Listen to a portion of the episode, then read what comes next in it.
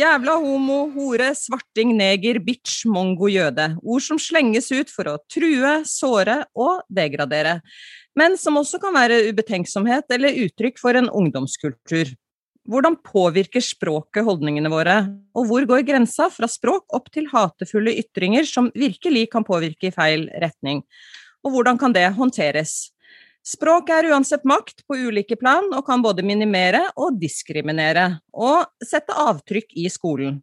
Og I denne episoden så skal vi ta et lite dykk inn i dette. Velkommen til lærerrommet, navnet mitt er Vigdis Alver. Og jeg heter Marianne Olsen Brøndtveit. Etnisitet, kjønn, religion, funksjonsevne og kjønnsuttrykk kan gjøre at man skiller seg ut fra normene, og med det også øke sårbarheten for å utsettes for hatprat. Og så er spørsmålet når ordene er hatprat, når de er slang, og når det handler om kunnskapsløshet. Det er en måte skole kan jobbe med språk og hatefulle ytringer på uten å gjøre dette til en mekanisk forbudt og tillatt-liste som handler kun om ord. Det handler kanskje like mye om å hjelpe elevene til å ha gode relasjoner, og trene dem til å takle og delta i et komplekst og demokratisk samfunn.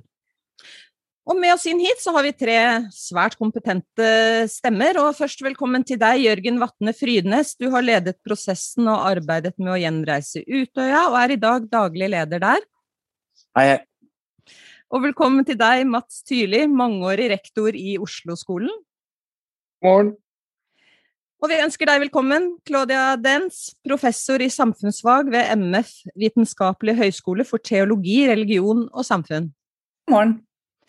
Og så starter vi med forskerblikket og deg, Dens, og vi har innledningsvis forsøkt her å tegne et bitte lite bilde av hva hatprat og hatefulle ytringer kan være. Men eh, hvis du kan forsøke å ramme dette litt mer inn, eh, hva er en hatefull ytring? Ja, um, det er ikke, ikke så lett å, å, definere grensene mellom disse fenomenene alltid.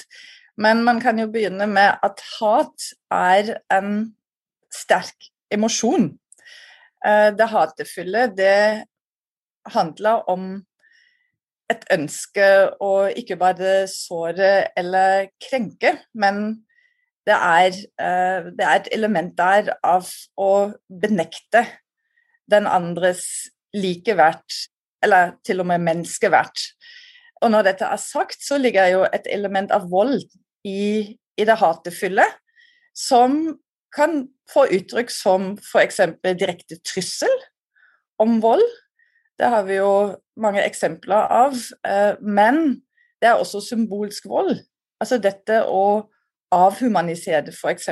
Altså hele det spekter av avhumaniserende betegnelser for grupper. Der ligger jo et element av hat, fordi det utsletter på en måte den andres menneskeverd, eller benekter at dette i det hele tatt er et fullverdig menneske. Mm. Og så snakka du om at det er vanskelige grenseoppganger her, men går det an å trekke en grense på hva som er forskjellen på f.eks. For hatprat og mobbing, og, eller erting og sleng? Ja, um, jeg tenker en, en viktig grense som mellom de fenomenene som, som, du har nevnt nå, det er jo at, at mobbing eh, det, det, er um, det er trakassering og, og utestenging og noe som, som, foregår over lang tid. Men, men, en hatefull ytring, det kan jo være én gang, eller det kan foregå over tid. Så, så disse ting kan jo altså de kan gå sammen. Uh, mobbing kan handle om uh, språk. Det kan også handle om å ikke forholde seg til noen i det hele tatt, utestenge. Men trakasserende språk eller hatefulle ytringer kan også være et element av, av mobbing. Mm. Det som er vanskelig, ikke minst for læreren tror jeg, i skole, det er å skille dette mellom det veldig alvorlige, det som er ladet med, med, negative emosjoner som er ment til, til å krenke og såre, og f.eks. erting. Eller mm. når eh, vi spør elevene, så sier de jo veldig ofte vi kødder bare, det er bare spøk. Og da blir det jo veldig viktig for læreren å kunne gå inn i det. Hva, hva ligger egentlig bak? Altså hva, ligger, hva slags intensjon ligger bak, og, og hva slags relasjon ligger bak i den uttalelsen. Mm. Ja, hore og homo det er jo ifølge en undersøkelse gjort av prosjektet Demra, som du jo er involvert i, de to vanligste skjellsordene blant norske ungdomsskoleelever. Og ord som jøde, bitchneger, jævel, gay, pakkis, mongo og polakk, de følger jo eh, etter. Og hvilke grenser er det de ordene flytter på, tenker du? Ja, Det er jo nettopp når, når vi har den undersøkelsen i, i, skolene som deltar i, i Dembra, så går jo mange lærere tilbake til elevene og går inn i en dialog med dem. Hva, hva legger dere egentlig i disse ordene og begrepene? Så er det ofte at elevene nettopp sier dette, dette er spøk, eller jeg vet nøyaktig hvem jeg kan si det til, og hvem jeg ikke kan si det til. Men så er det jo noe som du sa, at språk er makt, og det ligger noe i ordene som kan være nedsettende og utestengende og såre uten at det er en intensjon bak. Og da kommer jo nettopp dette med, med refleksjon over språket vi bruker, uh, inn i bildet. Jørgen Vatne Frydnes, disse klassene som vi snakker om her, de møter jo også dere på Utøya. Eh, og dette er også ord som dere utfordrer elevene med når de kommer til dere. Hvis du kan beskrive litt Ruth, hva dere ønsker elevene skal ta med seg etter et besøk på Utøya, hva vil du trekke fram da? Et besøk på Utøya med dette som tema, f.eks., så har jo det Utøya som en ramme hvor på en måte alvoret ligger der. Eh, og det trenger du på en måte ikke du trenger ikke sette de direkte koblingene til Utøyas historie og, og, disse. Det ligger der, eh, det ligger der som, en, som, en, som, en, plattform for å diskutere det. og Derfor merker vi veldig tydelig at den på en måte økt forståelsen for eh, både hva hatefulle ytringer er, og hva det kan eh, bidra til på et sånn individuelt nivå, blir veldig forsterket. Veldig mange tar jo med seg med seg måte den opplevelsen av av at dette er faktisk ikke bare eh, ja, kødd, som det ble sagt der.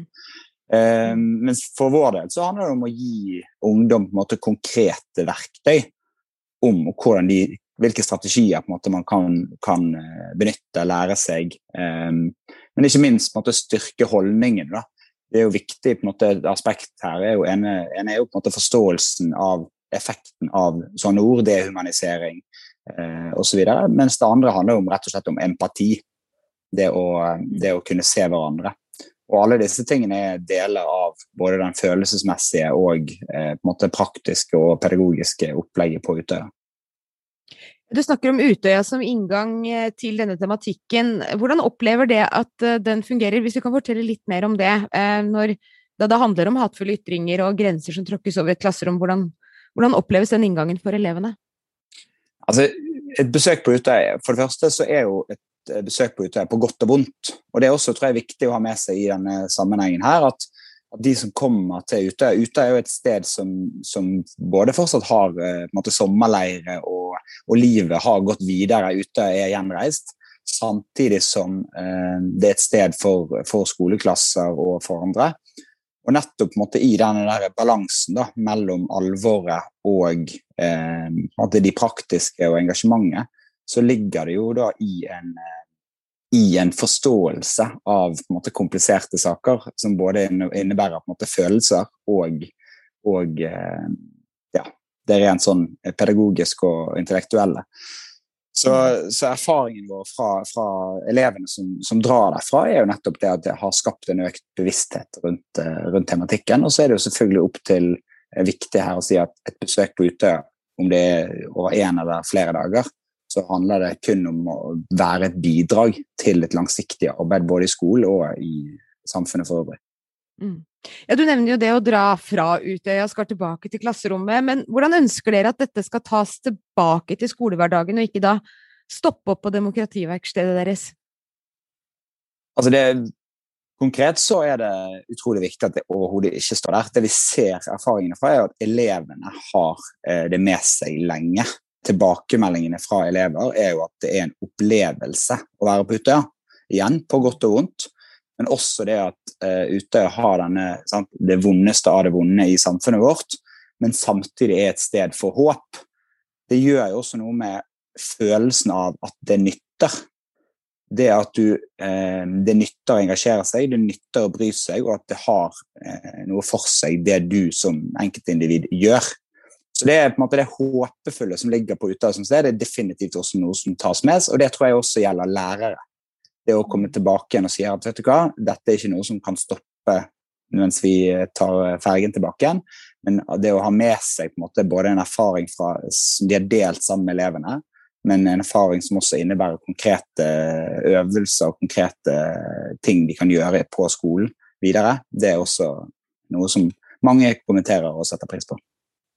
Ja, Mats eh, Tyrli Frydnes her, han nevner bl.a. det håpefulle. Også mangeårig rektor ved ulike skoler på Oslo øst. Hva tenker du at lærere du har møtt også kan synes er vanskelig rundt denne tematikken? Jeg tror den mest komplekse situasjonen en, en lærer kan oppleve i, i, sammenheng med hatefulle ytringer, er, eh, det er på den ene sida behovet for å, for å, uttrykke at noen tar avstand på vegne av de det går utover. Å formidle en reaksjon. Eh, samtidig så, så, er det noe med at den som utøver også er en del av det klassemiljøet og skal, eh, skal ivaretas. Så jeg tenker jo det at det handler jo i veldig stor grad om, om hvordan skolen eh, møter og, og, arbeider med eh, holdningsdannelse over tid. Eh, og det, det, gjør jo at man må ha en strategi og, og en tanke om hvordan man skal håndtere hatefulle ytringer. For et par år siden så ble tre 14-årige jenter så lei av å bli kalt eh, hore og andre nedsettende og seksuelle ting i skolegården at de skrev et avisinnlegg, og der krevde de en eh, holdningsendring. Flere medier tok opp eh, denne saken. Jentenes opplevelse er jo heller ikke unik.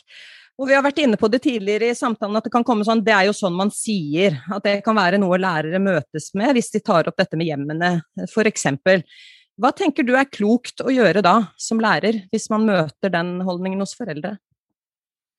Det er jo, eh, For det første så er det jo viktig å formidle hva skolen gjør systematisk i møte med sånne ytringer. Eh, og så er det viktig å formidle hva skolen skal stå for, og hva slags holdninger skolen eh, skal representere for begge parter i en sånn sak. Og så er det jo det med å ha eh, den tette og gode relasjonen til eleven. Den, det stopper ikke bare i, i, forhold til å kunne ha det med eleven, men også å ha det med foresatte, sånn at man kan etablere en dialog og, og diskutere påvirkningen. Eh, og hvilken, eh, hvilken effekt da, det har på mennesker som er en del av, av, av et sånt miljø, hvor det snakkes på den måten til hverandre så, så, så det, er, det, er, på en måte oppsummerende det skolen kan gjøre. Er, den relasjonen den er avgjørende. Den er avgjørende for å jobbe med det både mot elever og mot foresatte. Og så må skolen også være flinke til å gjøre og fortelle om hva uh, vi faktisk gjør. Fordi skolen jobber, så vidt meg bekjent, godt og systematisk med dette, denne problemstillingen. Og den er kjempeaktuell. Men hva da når dette språket og uttrykkene blir en del av en uh, ungdomskultur? Eller populærkultur, da, nigger, hore og bitch, det er jo ikke uvanlig. F.eks. musikktekster. Skal man fordømme det like fullt da, eller tenker du at man må, må, se det mer i kontekst? Nei, altså vår jobb er jo å drive med utdanning. Nå er det jo sånn at eh, noe av det er en del av en ungdomskultur, eh, som du sier, eh, og som får sterk innflytelse utenfra. Så det er klart det er mye, det er mye man konkurrerer med for å kunne, for å kunne få det bort og, og begrensa. Men samtidig så er det noe som skolen gjør hele tiden, å forsøke å, å ta opp disse problemstillingene og, og, snakke med dem. Men det er jo først og fremst gjennom læring og i klasserommet det skjer. Det er der muligheten ligger for det. Og Der har vi jo eh, klare styringsdokumenter som forteller oss hva vi skal jobbe med. og Det finnes også masse strategier. Men det er noe med at vi må diskutere kompleksiteten i det å uh, sette grenser, og hvordan man setter disse grensene. Og det er noe skolen uh, trenger å jobbe med. Men kan du et lite øyeblikk ta oss eh, inn i en skoleklasse der hvor ord som dette er vanlige skjellsord? Hva, hva, kan det gjøre med en gruppe før man begynner å jobbe med det? Det skaper jo en enorm usikkerhet. da. Min erfaring er jo ikke at det hagler med disse begrepene på kryss og tvers inni en undervisningstime. Det er det jo ikke. Men, men det er heller ikke en ukjent problemstilling at det, at det brukes. Så, så, så, det skal være åpent. Men det, det, er jo noe med dette fellesskapet som man må skape i et klassemiljø og, og et skolemiljø, sånn at man har muligheten til å diskutere disse her. Nå ble det jo nevnt f.eks. Hva, slags, eh, hva slags kunnskap man har med seg tilbake fra, fra Utøya når man har vært på eh, et besøk der. Og det er jo en inngang for å skape fellesskap i klasserommet som alle føler de kan være en del av, er en konstruktiv start for å eh, begynne å justere seg vekk fra sånne type utsagn. Ja, Lens, du ville kommentere her? Ja, jeg tror noe som Mats sier her er veldig viktig. At uh, den type språkbruk, det er ikke nødvendigvis det som læreren møter oftest det vi også vet fra, fra forskning, det er jo at eh, eh, elevene skjønner at, at, dette er ikke noe som, som læreren liker, og, og, kanskje regulerer seg mer i, i klassetimene, men så foregår det eh, i skolegården, eller da ikke minst også på sosiale medier. Og jeg tror det er noe som forflytter problemstilling litt fra dette med den umiddelbare reaksjonen nå skal jeg slå ned på og hensyn å ta til de forskjellige, til hvordan, hvordan gi elevene, som, som Jørgen sier, de, de, redskapene til å, å, moderere egen språkbruk. Og, og så skjønne at eh, en del av det som, som ikke er ment sårende eller krenkende, kan ha problematisk effekt. Og da er igjen undervisning og klassetimene eh, en arena hvor det kan skapes bevissthet. Eh, at de ting som, som, ser ut til å være normal, eh, ikke er så uproblematisk. Og at de er ladet med betydning. Og da tror jeg vi kan også snakke litt om det tverrfaglige. Altså nå har vi jo eh, tverrfaglige tema, demokrati og medborgerskap. og Eh, folkehelse og livsmestring osv. Og, så og jeg tror det ligger ganske store muligheter nå å se f.eks. på eh, hva som foregår i, i, sosiale medier, hva slags ord brukes, hva slags språk oppfattes som normal, til, til å pakke det ut uh, og se hva som ligger i det. F.eks. delvis hva som ligger i, i det historiske. At uh, ting begynner å bli ubehagelig når man ser hva slags historie ligger bak. Og når det er sagt, så ser vi jo f.eks. at det ser i alle fall ut som at bruken av ordet jøde som skjellsord går noe ned. Og det, det, tror jeg har en sammenheng med at, at det har blitt en, en større bevissthet mm. rundt dette. Men dette med språkbruk, Lens, det er jo en del av et større bilde også, som kan handle om radikalisering og voldelig ekstremisme. Men det er jo for så vidt et langt større og bredere tema enn det vi snakker om i dag. Men like fullt, jeg har et spørsmål rundt det. Hvordan skal de voksne rundt disse unge klare å se de mer illevarslende markørene, og skille disse fra det som er da diskriminerende eller slang, som vi snakker om også her? Mm.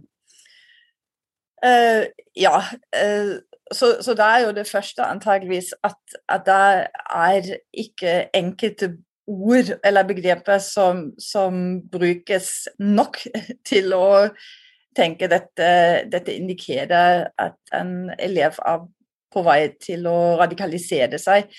Det er jo nettopp noe som vi har sett i, i andre land, at det har vært sånne programmer som f.eks. Prevent i, i, Storbritannia, hvor det nesten ble sånn, sånn, sånn type mistenkeliggjøring av elever pga. Uh, at de uttalte seg kritisk om noen ting eller brukte noen ord. Og da går det jo også veldig lett inn i sånn profiling. Altså tilhører du en bestemt gruppe eller minoritet og du sier noe, så, så plutselig havner du i en sånn mistenkeliggjøring. Og det tror jeg er, er helt utleggende for det som, som også Mats har sagt, er en, en, en, viktig oppgave at skolen skal bygge tillit. Mm. Uh, så det kan jo utlegge tilliten mellom eleven og, og læreren. Mm. Uh, så, så, det som er en viktig kompetanse for læreren, det er jo å inngå i i dialog med elevene. Og da tenker jeg hvilke arenaer er egentlig aktuelle? Og det er nok ikke plenums- og klasseromsituasjonen hele tiden, men da den eh, enkeltsamtalen, eller samtalen med den enkelte eleven for å se hva, hva som egentlig ligger bak. Og er dette noe som er problematisk? Og da er det jo også viktig å understreke at det er ikke skolens mandat å uh, fikse radikalisering, men det kan jo hende at det er viktig å, å kontakte andre aktører som, som, har kompetanse og mandat på dette.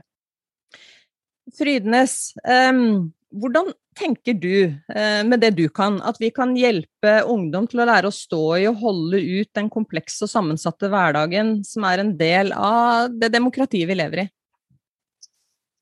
Ja, altså det er jo her på en måte det store livsmestringen på en måte kommer inn. altså Det å anerkjenne at verden ikke er svart-hvitt, det at det er komplekse problemstillinger, kritisk tenking, men også på en måte selvtillit til eh, å gi, altså sette ungdom som rollemodeller selv.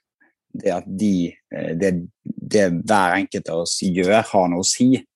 Um, så det er jo ikke et på noe som på måte, et enkelt svar på dette, men, men likevel det å styrke måte styrke respekten for, eh, for hverandre som enkeltindivider. Eh, det er jo på en måte avgjørende, syns jeg, å, å, se mm. hverandre.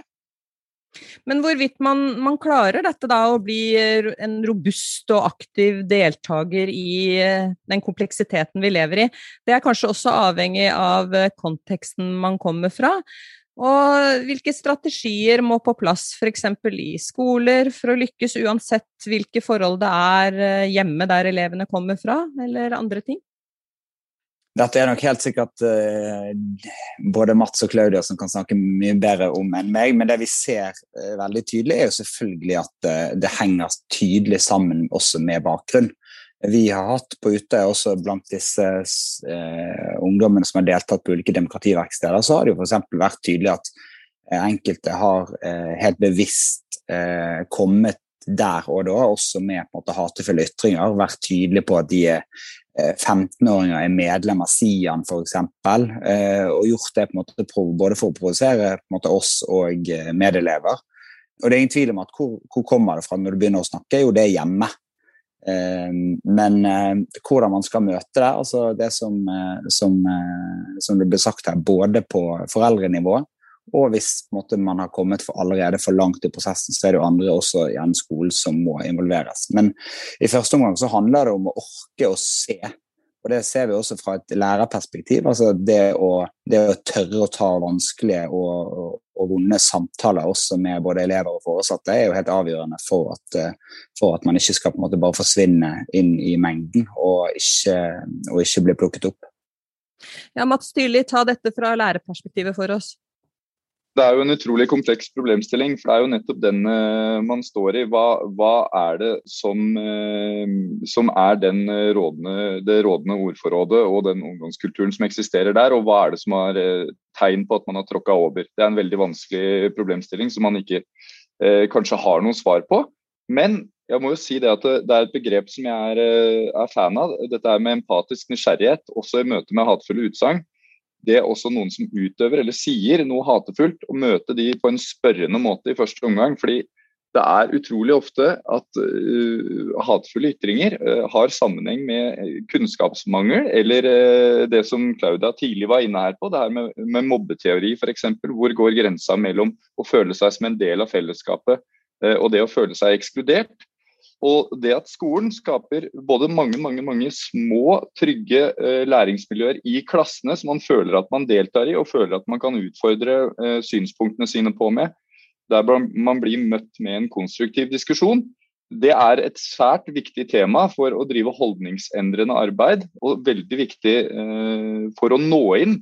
Fordi at relasjonen som ligger i bånn der, både mellom elevene og, og lærer og elev, den skaper den tryggheten. Og, og, det er først når man er trygg at man kan eh, at man er klar da, for å ta inn, ta inn læring. Og det å, å, tenke det at man skal instruere noen til å, å skifte en holdning med en enkeltstående, isolert uh, korrigerende, et korrigerende tiltak, Det tenker jeg er en eh, for enkel inngangsport eh, på sånne komplekse problemstillinger. Det er langsiktig arbeid som det må ligge en relasjon i bånd til for å jobbe med. Ja, Claude, du ønsket ordet. Jeg har bare lyst til å utdype dette når vi går i den retning at hatefulle ytringer eller begrepene, ordene elevene bruker, faktisk indikerer at det er noen dypere holdninger bak, så blir muligheten å, å ta tak i dette med, med, enkelte sanksjoner mindre og mindre.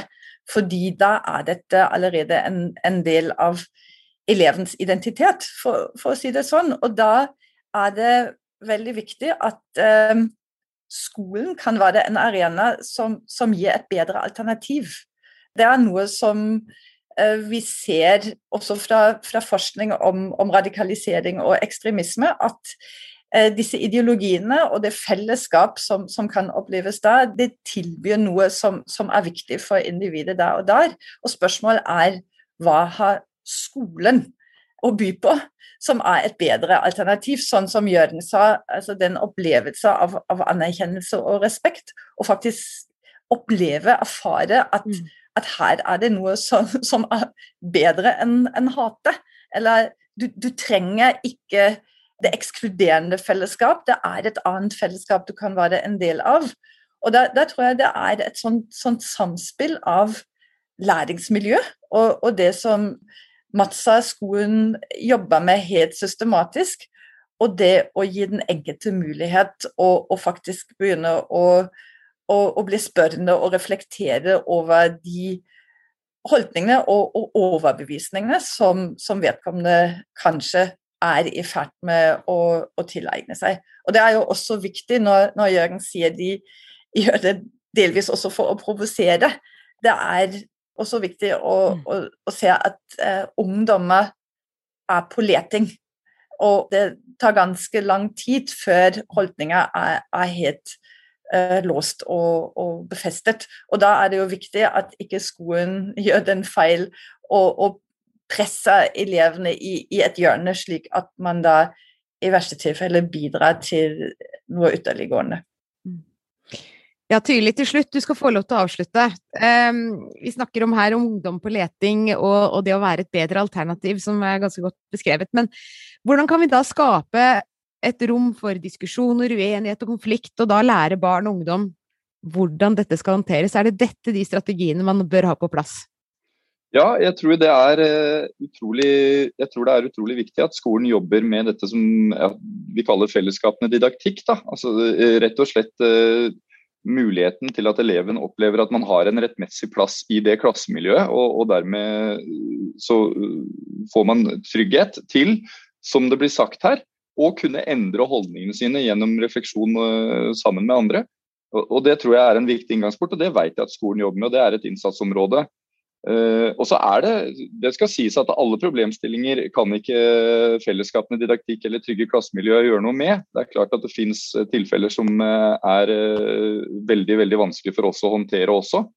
Så det må man også jobbe med, hvordan dette sporet skal gås videre. Hvis det er en opplevelse at her er det for vanskelig for oss. Da. Skolens inngangsport til denne tematikken får avslutte denne samtalen i lærerrommet. Tusen, tusen takk til gjestene våre, Mats Tyli, Jørgen Vatne Frydnes og Claudia Dens, for at dere var gjestene våre. Tusen takk også til dere lyttere for at dere følger oss og lytter til våre episoder. Fortell gjerne om oss til andre som kan ha nytte av temaene vi tar opp i denne podkasten. Nå sier Vigdis og jeg takk for denne gang. Ha det riktig bra. Ha det.